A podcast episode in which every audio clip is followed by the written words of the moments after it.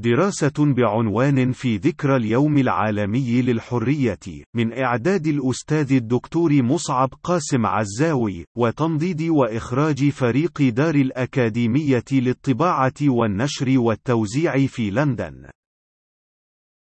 بالتأكيد تعد الحرية ومستوى وعيها الفردي والاجتماعي من أهم المعايير التقييمية لمستوى رقي المجتمعات في مناظير الخطابات الفكرية والسياسية على طول العالم وعرضه، معتبرة إياها من أهم المعايير لقياس التقدم الحضاري في دولة أو مجتمع ما.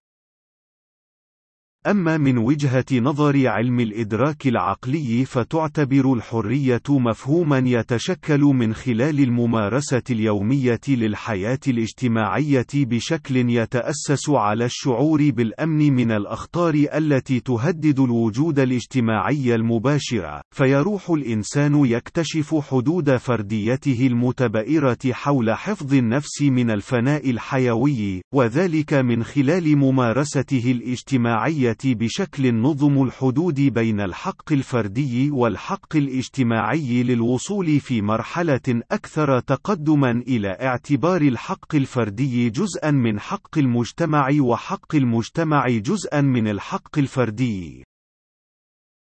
ولكن عند الانتقال من ذلك التحديد النظري لتطور وعي الحرية عقليا إلى المجتمع العربي في حالته التاريخية الراهنة نستطيع تلمس عطب بنيو في الوعي المقرون بفهم وممارسة الحرية ناجما بشكل مباشر عن الاضطراب العميق في رؤية الفرد لأمن ذاته الإنسانية نتيجة غياب الحد الأدنى من الضمان القانوني والاقتصادي. والاجتماعي لحياة الفرد في المجتمعات العربية التي تنكست من رتبة المجتمعات الحقة إلى محض تجمعات من الأفراد لا يجمعهم فعليا سوى حظهم العاثر في التواجد في نفس المكان والزمان، وهو ما تكامل عبر عملية مطولة من الاستنزاف التاريخي للطموح النهضوي العربي بإنشاء مجتمعات طبيعية على مستويات بناء بناها التحتية والفوقية مفضيا لنكوص المجتمعات العربية في واقعها الراهن إلى تشكيلات من بنى وهياكل هشيمية حطامية